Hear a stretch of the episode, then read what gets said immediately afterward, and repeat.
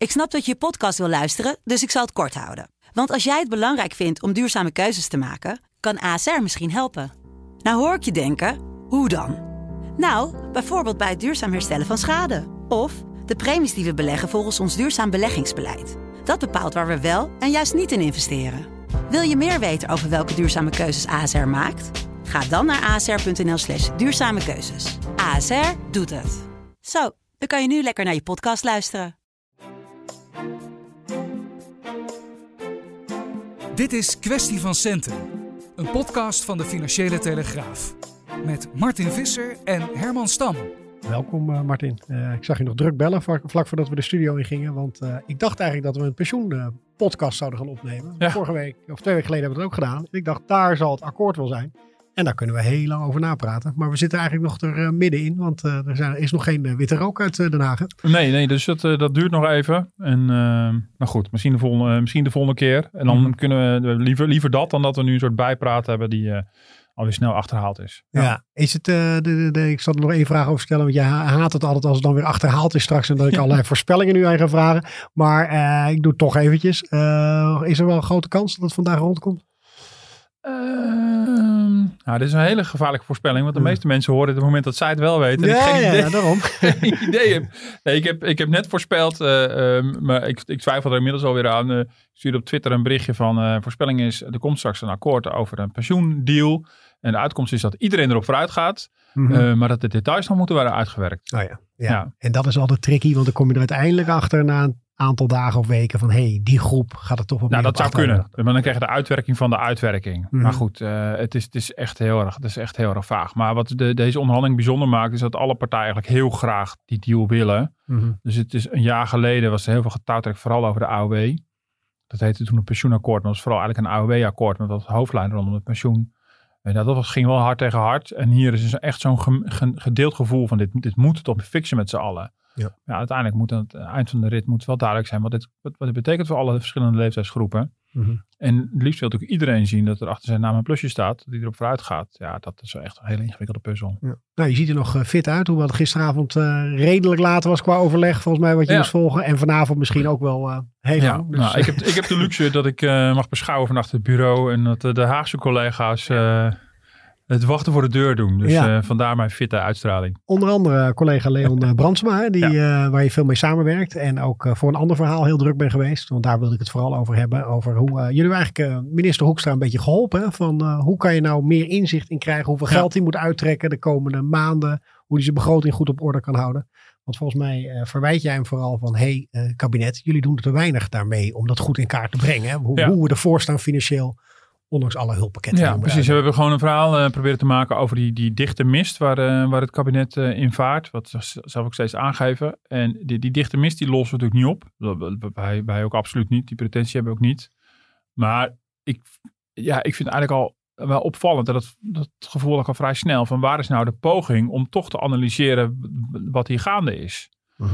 Um, uh, er worden steunpakketten gemaakt. Nou, we zitten inmiddels in steunpakket 2.0. Uh, ja. Daar zitten weer wijzigingen. Want die is deze maand ingegaan. Hè? Ja, die is 1 juni ingegaan. Er zitten weer wijzigingen ten opzichte van het eerste steunpakket.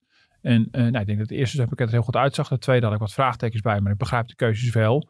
Maar het komt toch wel weer de eerste moest ik met stoom en kokend water. Maar die tweede, uh -huh. daar had je te begrijpen. Toen zag je natuurlijk aankomen van nou, 1 juni loopt het af, dan moet je weer verder. En wat, wat bij die steunpakketten wel zou horen, en ook de, de, de, de financiële ruimte die Hoekstra zich permitteert, is toch een poging tot te analyseren van wat is de aard van deze crisis? Wat zijn de verschillende fases? Waar staan we nu? En welk beleid past bij welke fase? -huh. Kijk, niemand kan voorspellen uh, um, wanneer welke fase intreedt. Vandaar dat iedereen nu ook scenario's maakt in plaats van keiharde voorspellingen. Hm. Maar bij die scenario's uh, en bij die verschillende fases, ja, zou je natuurlijk wel duidelijker kunnen maken van, uh, ja, wat, wat kan je dan van de overheid verwachten? En dan bijvoorbeeld ook als het maar, gaat maar weet om... je zeker dat ze er niet zijn? Maar misschien houden ze ze ergens verborgen nog. Dat ze denken, nou, uh, ja, dit is ook te heftig kunnen. misschien voor de samenleving. Nou ja, dat hebben ook uh, Leon en ik proberen uit te zoeken. Van wat, wat gebeurt er nou achter de schermen? En um, um, ja, ik bedoel, die analyses worden allicht wel gemaakt. Maar we hebben ons uh, oor te luisteren gelegd bij verschillende mensen. En we hadden nou niet het idee dat toen we mensen spraken, dat ze daar zaten te citeren uit hun eigen analyses die we dan niet mochten zien. Natuurlijk mm. worden er stukken geschreven. Die, uh, die ministeries van Financiën en Economische Zaken en Sociale Zaken, Uh, onder andere hebben allemaal van die uh, meer algemene economische um, uh, afdelingen. En, en, die, en die directies, die voorzien de minister van advies over allerlei brede economische onderwerpen. Dus, uh, dus die zitten, ja, die zit echt een beetje in de, in de staf, zeg maar. Die zit niet, niet per se in de lijn. Dus die mogen zich met alle onderwerpen bemoeien. Vaak ook uh, met, met onderwerpen die buiten hun eigen ministerie omgaan. Bij Financiën is het natuurlijk helemaal logisch, maar ook bij andere ministeries. Dus daar zitten ook zeg maar de hoofdeconomen van zo'n ministerie. En natuurlijk gaan daar, um, gaan daar uh, adviezen en weet ik wat allemaal richting de ministers. Natuurlijk gebeurt dat. Maar um, uh, de, ik, ik, ja, we hebben die stukken, die stukken zelf natuurlijk niet. Uh, mm. En dat is ook, dat is ook niet, niet nieuw dat ze dat nu doen. Dat doen ze natuurlijk gewoon bij normale, normale tijden doen ze mm -hmm. dat ook. Alleen wat, je, wat, ik, wat ik echt vind ontbreken is een hele duidelijke, ook openbare analyse. Uh, of het Centraal Planbureau bijvoorbeeld ook. ja, ik, ik vind wat er van het Centraal Planbureau komt op dit vlak tot nu toe nogal teleurstellend. Um, en je wil ook bij de onderbouwing van het beleid wil je ook duidelijker hebben. Nou, we hebben gezien natuurlijk Wouter Koolmees, de minister van Sociale Zaken, die uh, het schrappen van de ontslagboete in een talkshow uh, bij Op1 um, uh, ja, aankondigde en verdedigde. U kunt mensen gaan ontslaan om uw bedrijf te redden. Nou, even, je kan altijd, ook, in de Ja, huidige nee. regeling, nee, ook in de huidige regeling kunnen mensen worden ontslagen. Alleen nu in de huidige regeling zit er een boete op. Dus Ja. het is een financiële prikkel om niet te ontslaan. Maar de boete gaat eraf. Bij de volgende ronde eh, eh, gaat die boete eraf inderdaad. Ook omdat we zien dat bedrijven... Ja, als dat de manier is waarop economisch beleid hier onderbouwen, vind ik nogal karig. En het CPB eh, verwijt je eigenlijk ook dat ze wel met cijfers kwamen die eigenlijk waarvan ze al wisten die zijn oud als je met eh maart. Nou ja, eh, de- zei. toen begin maart toen was eh, Ja. nieuwe, nieuwe directeur Haaskamp net aange- eh, aangetreden. Ja, op dat moment konden ze niet zoveel aan doen dat die raming achterhaald was. Je kan niet, niet met één, twee dagen een nieuwe raming maken. Dus dat hebben ze wel vrij snel erbij gezegd. Maar dan heb je, ook wel, heb je ook wel de plicht om zo snel mogelijk met iets beters te komen. Nou, uiteindelijk zijn ze met, met scenario's gekomen. Dat, dat, dat, dat, dat vinden ze bij het CPB al heel wat. Dat ze met een publicatie zijn gekomen die niet, die niet in het programma stond, zeg maar. Mhm. Ehm, maar ja, die, die scenario's zijn inmiddels ook alweer van begin maart. Die zijn, ja, die zijn ja, als je kijkt hoe, hoe snel de ontwikkelingen zijn gaan, zijn gegaan. Ja, dat is, eh, inmiddels is dat retro. Dat Ja. is antiek. Want daar zat er dat- één bij volgens mij, daar hadden we toen over van nou dat aller, aller zwartste scenario. Ja. En daar zijn we inmiddels ook alweer uh, over. Ja, maar ook een heel raar scenario. Want het ging uit van 12 maanden contactbeperkende maatregelen. Ik heb nog eens Mhm. nagevraagd en nooit een goed antwoord op gekregen. Van, is dat dan een lockdown? We hebben het destijds allemaal geïnterpreteerd van dan een scenario van drie maanden contactbeperking. Slash lockdown. Zes maanden of twaalf maanden. Nou, een 12 maanden lockdown ja, is met de kennis van nu een totale flauwekul. Mhm. Ehm 12 maanden eh, anderhalve meter afstand, dus geen flauwekul. Dan is 12 maanden zelfs nogal weinig. Ja. Dus het zijn ook criteria waar we inmiddels niet meer mee uit de voeten kunnen. Maar ja, waar, waar, waar, eh, ja, waar, ja, waar, waar, waar, waar de ministeries het wel al die tijd mee hebben moeten doen. Sterker nog, Economische Zaken heeft een vervolgonderzoek gevraagd aan een ander bureau, Pantaya.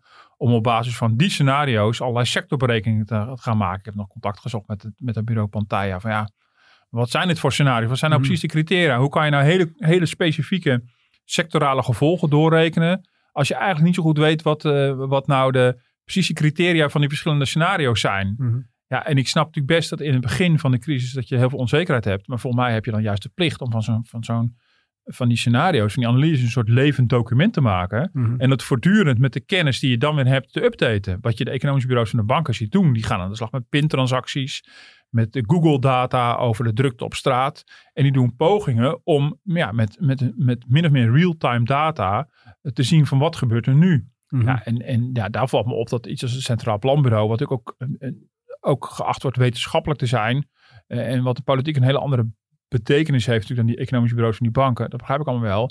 Ehm, eh, de- ja, dan, dan valt me op dat, ja, dat die heel terughoudend zijn om gewoon voortdurend met nieuwe analyses te komen. Mhm. En dat vind ik wel echt, dat, dat ontbreekt heel erg. Ja, maar dus ook voor eh, steunpakket 2, waar ze iets meer Ja. de tijd voor hadden, zitten niet goed berekeningen in van, joh, zoveel bedrijven gaan er in onze ogen denk ik eh, gebruik van maken. Dat, dat, dat is eigenlijk te weinig doorgerekend. Nou, dat, dat- eh, zeker. En ook, ehm, en, en je kan natuurlijk wel een schatting maken van hoeveel bedrijven. En dan weet je dus wat het kost. Maar ik ben natuurlijk heel benieuwd van wat zijn dan, wat zijn de mogelijke consequenties? En eh, ik ga natuurlijk niemand afrekenen op of ze dat achter de komma goed of fout hebben berekend. Daar gaat het natuurlijk niet om. Mhm. Maar het gaat er wel om als je bijvoorbeeld besluit om te zeggen die ontslagboete, daar stoppen we mee. Wat kan, wat kan daarvan sociaal-economisch de implicatie zijn? Ja. Kijk, dan zeggen de Want vakbonden... je krijgt meer ontslagenen dan, want Bijvoorbeeld, mensen nou, de vakbonden zeggen van, nou, er komen massa-ontslagen. Ja. En Wouter Koolman zegt van niet. Ja, Mhm. En dat is dan einde discussie. Maar dat is natuurlijk geen... Ja, En, En nu, dat steunpakket 2.0 is nog relatief minimaal aangepast. Dan moet ik zeggen, bijvoorbeeld bij de ZZP'ers is de partnertoets eraf gegaan. Mhm. Ja, dat voelt natuurlijk heel logisch. Van ja, als jij een verdienende partner hebt, waarom heb je dan recht op een soort bijstand? Maar vergeet niet, dat betekent wel dat als jij twee inkomens hebt, eentje bijvoorbeeld uit loondienst en eentje uit ZZP, en dat ZZP-inkomen valt bijvoorbeeld, stel dat het helemaal wegvalt. En het blijft ook wegvallen. Je zit bijvoorbeeld in de evenementenbranche of iets. Maar dat, eh, en je verdient evenveel als je partner. Dat betekent dus een inkomensterugval van 50% in Ja. jouw geval. Dat is, dat is enorm. Ehm, eh, dus iets wat heel logisch lijkt, kan natuurlijk individueel echt heel heftig uitpakken. Ja. Hebben wij in beeld wat dat betekent, zo'n inkomensterugval? Ehm, hebben wij, eh, proberen we in beeld te hebben wat voor, wat, wat voor kaalslag het betekent in het bedrijfsleven, bij het personeel? En zeker als we nu, nou we hebben nu, dit- dit- dat steunpakket is voor vier maanden. Het zou eerst voor drie zijn, dus voor vier geworden in, in onderhandelingen met, eh, met de sociale partners. Dus tot 1 oktober. Dus tot Ja, 1 oktober. Nu is er dus ruim de tijd. Kijk, het ligt in de lijn de verwachting dat het derde steunpakket weer anders zal zijn. Hm. En dan wil je weten van wat voor soort economische ratio ligt hieronder en wat, eh, eh, en, en wat voor soort pakket hoort daarbij. Wie willen nog wel redden, wie willen we niet Ja. redden. Want dat wordt wel gezegd hè, door verschillende ministers. Van eh, we gaan, kunnen nou eenmaal niet iedereen gaan redden. Ja. Dus de, de, En dat is logisch, Ja.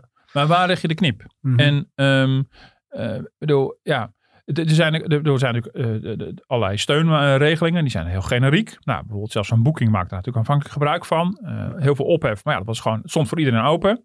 Dan heb je allerlei garantieregelingen. Eh, nou, daar was eh, de, de- de ge- ge- gedoe met, met de HEMA bijvoorbeeld. Het kabinet overweegt om winkelketen HEMA te redden. Al langer gaat het slecht met de winkelketen, maar de coronacrisis heeft de situatie nog verder verslechterd. Het kabinet wil zo voorkomen dat de 9500 HEMA-medewerkers hun baan verliezen. Maar is het aan de overheid om de HEMA te redden of moeten de aandeelhouders het zelf opknappen? Ja, daar hebben ze natuurlijk heerlijke rookworsten. En dat roept ook allemaal vragen op over ja, wie steunen we wel, wie steunen we niet. KLM krijgt natuurlijk weer aanvullende steun, daar wordt ook allemaal over gesproken. Ja. Ehm, en dat is ook een van de, een, een van de aspecten. Eh, het- het- in de Kamerbrieven zie je wel iets terug over een soort van besliskaders over wie, wie wel of niet additioneel te steunen. Maar dat zijn hele algemene criteria. Dan moeten maatschappelijk relevante, grote personele gevolgen of iets dergelijks. Ja, Maar, maar wil je het ook wel zo vastleggen? Want dan krijg je misschien ook, eh, als je dat dus op papier Ja. zet, van ja, hier hadden we toch eigenlijk wat willen doen. Maar dat kan nu niet Ja. omdat we onszelf zo vastleggen. Nee, dat is, dat is waar. Dat is, dus in die zin kan je het ook niet helemaal dichttimmeren. Dat, dat is absoluut waar.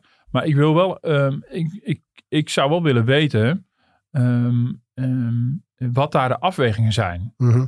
Kijk, dat je KLM wil redden vanwege het belang van, van zo'n maatschappij voor de Nederlandse economie en voor, de, voor het netwerk, dat, dat begrijp ik op zichzelf natuurlijk heel erg goed. Mhm. Maar stel nou dat, dat die coronacrisis tot een kaalslag gaat leiden in de horeca.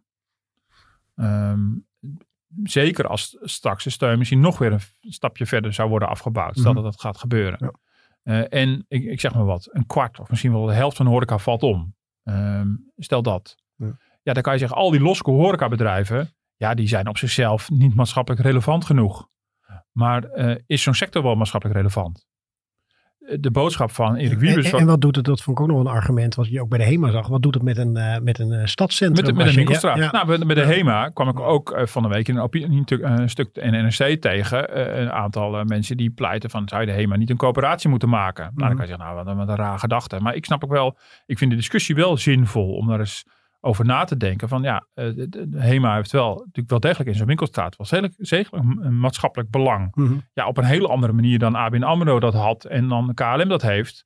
Maar ja, je kan in heel veel bedrijven natuurlijk wel een, een zeker maatschappelijk belang hangen. Ja. En wat versta je daar precies onder? Ik ben, ik ben met je eens. hoor. Het is wel een, op zich een goed punt van als je dat helemaal dicht timmert, dan kan je geen kant meer op. Het gaat me ook niet om, om het dicht timmeren, maar wel Mhm. eh, dat ik op zijn minst het gevoel heb dat daar een visie achter zit. En nu blijf je, eh, als je het niet probeert te beschrijven, blijft het toch wel heel erg ad hockerig. Ja. Dat, is, dat is een beetje het punt. En ja, en eh, de, de horeca en detailhandel zijn twee sectoren die toch echt wel, eh, eh, nou de reisbranche overigens ook, maar horeca en detailhandel zijn toch twee sectoren die heel erg onder de lockdown hebben geleden.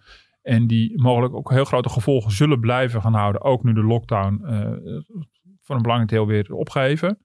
Ehm, ja, wat vind je ervan als politiek als daar een enorme kaalslag gaat plaatsvinden? Ja. Zeggen we nou, dat vinden wij prima. Want ja, weet je, het zijn geen KLM's, dus eh laat maar gaan. Doe, eh, vinden we dat maatschappelijk verantwoord? Ik probeer me ook voor te stellen, wat doet dat maatschappelijk? Wat doet dat ook gewoon, eh, gewoon ook vanuit kiezers richting de politiek. Als er in bepaalde sectoren, echt, nou, evenementenbranche, echt enorme faillissementen gaan plaatsvinden.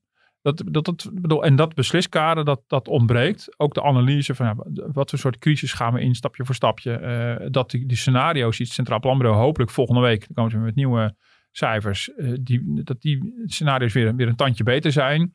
Dat er ook wel duidelijk wordt gemaakt vanuit het, vanuit het kabinet van wat voor soort beleid hoort bij welke fase en welke scenario van de crisis. Dat is eigenlijk vooral Ja. mijn punt. Ondertussen zie je ook nog een andere sector, de ziekenhuizen zelf, eh, Ja. meer in de financiële problemen komen. Ja. En daar zou eigenlijk misschien ook wel gedacht moeten worden over hoe we die gaan steunen. Want eh, die geluiden zijn steeds ernstiger. Ja, ja. nee, dat is, dat, is natuurlijk ook, eh, dat is natuurlijk ook een punt. Ik bedoel, het is nog best wel onduidelijk op dit moment eh, ehm, eh, hoe, hoe dat op te lossen. Kijk, dat de, zorg duurder is geworden, is dit afgelopen jaar natuurlijk evident. Maar wie laat je daarvoor opdraaien? De ziekenhuizen zelf, de verzekeraars, eh, de premiebetalers of, eh, of, of, of stapt het kabinet daar op een of andere manier in? Ehm, wat, wat zijn de echte feiten? Wat is hier de, de lobby? Nou, we hebben ehm eh, Diederik Gommers bij op één ook weer horen zeggen. ehm, eh, de, de- de, man van de IC's eh, van eh, ja, we, we gaan laten toch geen ziekenhuizen omvallen terwijl we KLM redden. Ja, Ja, ja. is, dat, is dat een, een feitelijke, was gebaseerd op feiten of is het ook vanuit een soort lobbypositie richting de verzekeraars? Mhm. Ja, dan wil je Ja, natuurlijk want ook wel wordt hard onderhandeld op dit moment. Hè? Want hij zei volgens mij ook van de eh, zorgverzekeraars hadden in het begin wel toegezegd van we gaan extra steun geven. Ja. En dat er nu een beetje terug onderhandeld wordt van wat Ja. gaan we dan precies En op zich is het ook wel logisch. Bedoel, je moet het ook niet allemaal vanuit emotie doen. Uiteindelijk zijn het ook gewoon zakelijke onderhandelingen. Daar is ook helemaal niks mis mee. Bedoel, Mhm. als we het over Nederland en Italië hebben, dan vinden we ook dat het in Brussel zakelijk moet aanpakken. Dus dat mag ook allemaal best. Maar er moet wel duidelijkheid over ontstaan. Eh, zeker, A, wat betekent dat voor de financiering van de, van de ziekenhuizen? Hoe zorg je dat de reguliere zorg ook weer voldoende op gang komt en dat daar voldoende budget voor blijft? Ja. Maar bijvoorbeeld ook als, een, als het betekent dat de zorgpremies inderdaad omhoog gaan, eh, wat dus heel goed mogelijk is. Wat doet dat voor de koopkracht volgend jaar? Ja. Is het kabinet bereid daarin te, in, in, in te stappen? Dus in die zin, bedoel, ik we, hebben het vaker hè, over koopkracht. En dan, heb je, dan leg je altijd uit van het gaat om een paar tientjes. En je hebt die puntenwolken en zo.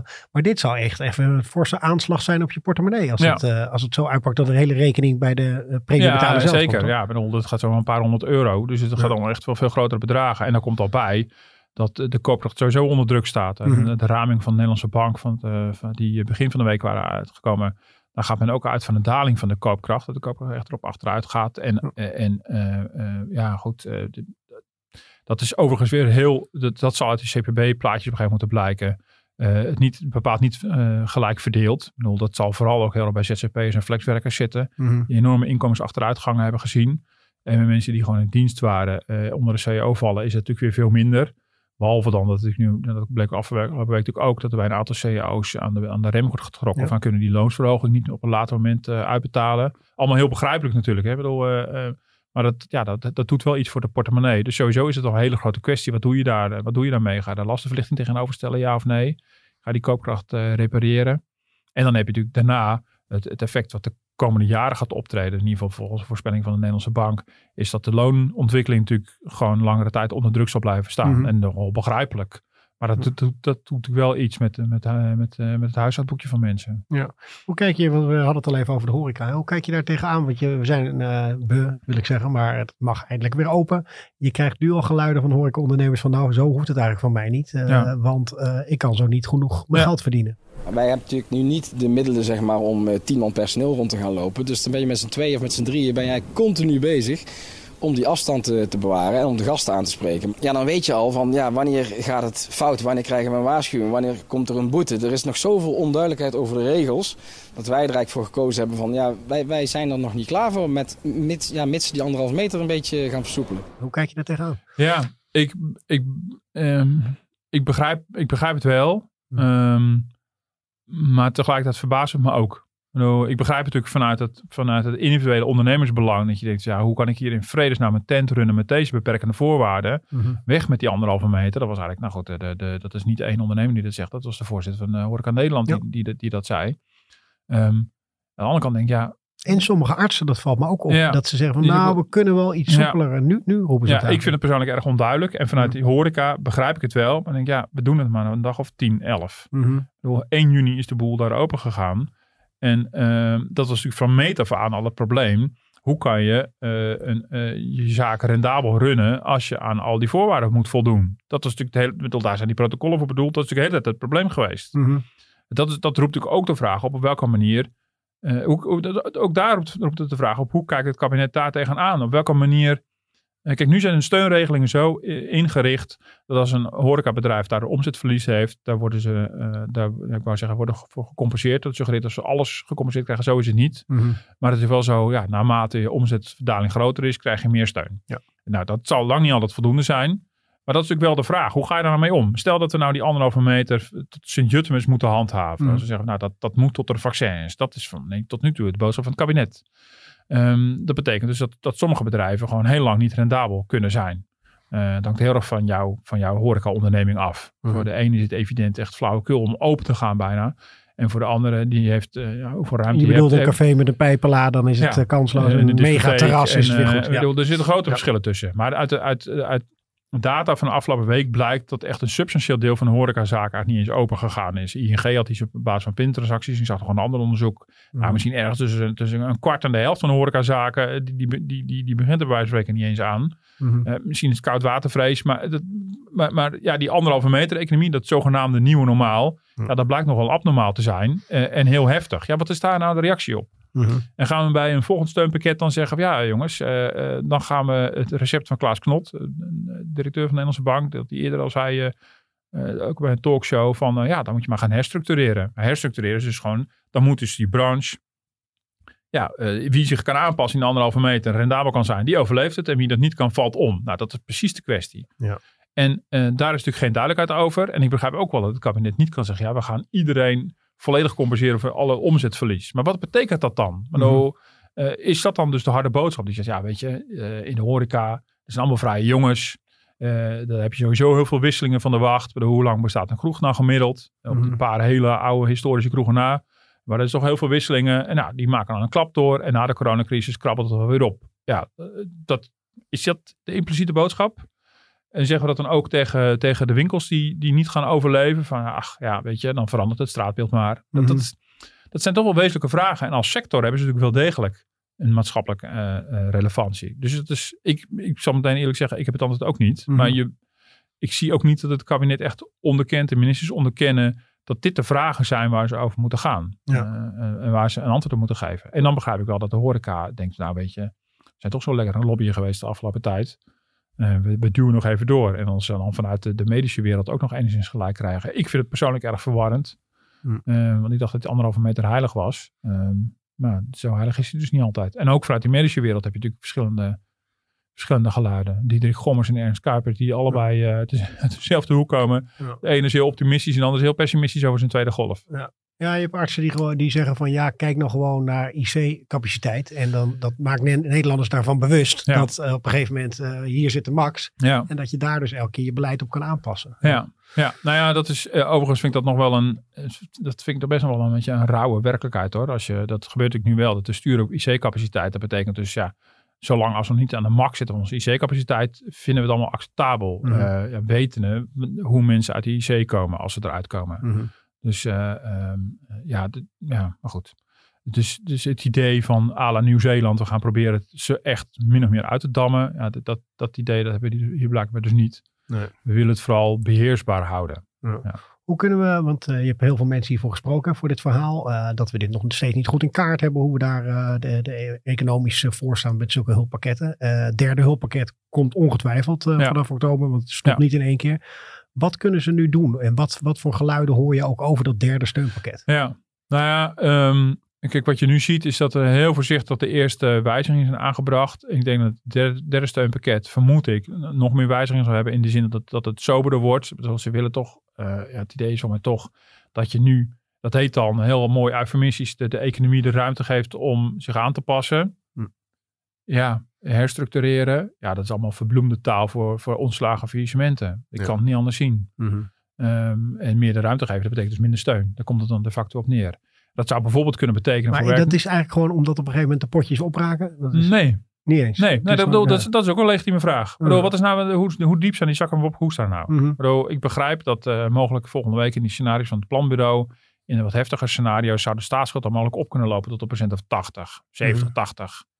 Ja, weet je, nou, dat zijn we lange na nog geen Italiaanse toestanden. Verre Ja. van. Nou, gelukkig maar niet. Maar ja, ehm, zit er een financiële rem op? Ja. Eh, Het wordt bezworen bij en bij laag in Den Haag dat, de- dat de financiën hier geen rol spelen. Eh, maar wat is het dan wel? Ja, ik, ik, kijk, het dilemma waar ze voor staan, en dat begrijp ik, begrijp ik op zich wel. Ik bedoel, als dit een nieuwe werkelijkheid is, voorlopig, moet je dan met belastinggeld, wat ook van ons allemaal is, allerlei bedrijven en werkgelegenheid in de lucht houden, die eigenlijk bij deze nieuwe economische realiteit gewoon niet meer levensvatbaar is. Nou ja, goed. Dan ik- zit je ik- iets in leven ja. te houden wat eigenlijk, eigenlijk hoort om te vallen. Ja. Hoe hard het ook klinkt. En, en, die, en die afweging zou ik pregnanter eh, willen zien. Want dat is eigenlijk het, het eerlijke verhaal met Dirk Samson te spreken. Want dat Mhm. is wel de vraag waar je voor staat. En dan hoeven ze echt niet meteen te zeggen, nou, en dit is het antwoord. Mhm. Maar wel dat ze een poging doen om dat in kaart te brengen. Van, van, eh, eh, maar goed, dat wordt, nou, na, de, na de zomer staat iedereen in de verkiezingsstand. En wordt het al helemaal een moeilijke boodschap. Ja. Maar wat bedoel, op, op zoek naar de ratio. En wanneer wordt geld wel een belemmering?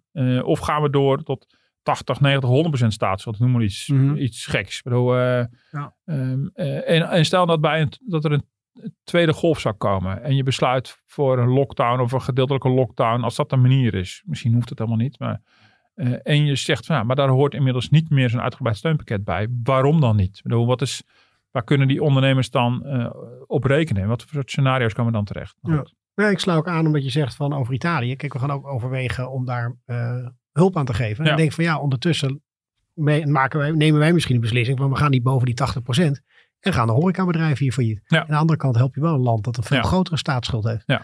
Ja. Dus dan zou ik denken, ik zou dan liever willen dat ze in Nederland meer horecatenten helpen. Ja. Of is dat niet zo simplistisch in jou? eerst, Nou ja, zo, maar goed, dat mag ik niet. Maar dan is Ja, Behalve die week dat je op vakantie bent in Italië. ja. moet ja. het ook allemaal open zijn, zeker.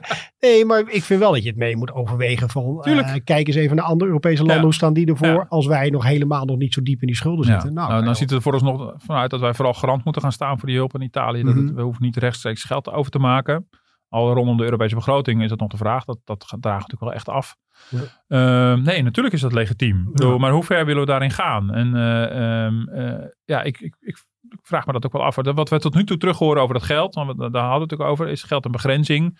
We horen vooral terug van nou, de begrenzing zit er vooral in eh, alle bal op de steun. Maar Wopke Hoekstra, en terecht, wil wel voorkomen dat in, deze tijden van diepe zakken er allerlei andere wensen ontstaan. Mhm. Eh, er ging een paar honderd eh, miljoen naar de sierteelt. Ook vanwege de crisis trouwens.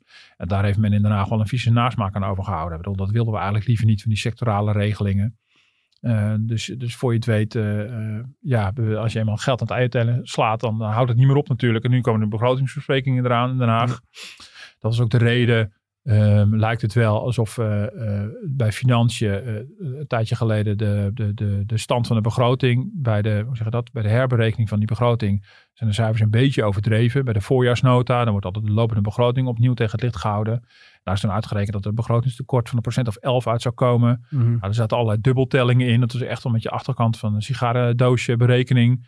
Ja, dat het, dat het heel heftig uitkwam, dat, dat was voor financiën eigenlijk wel goed. Want dan stond er ook een beetje bij de andere ministers te remmen op van, ja, weet je, eh, dat Koolmees en Wiebes geld nodig hebben, Allah. Maar als ze Schouten van Engelshoven en weet ik veel wie zich allemaal gaan melden, bedoel, eh, dan is het geld op.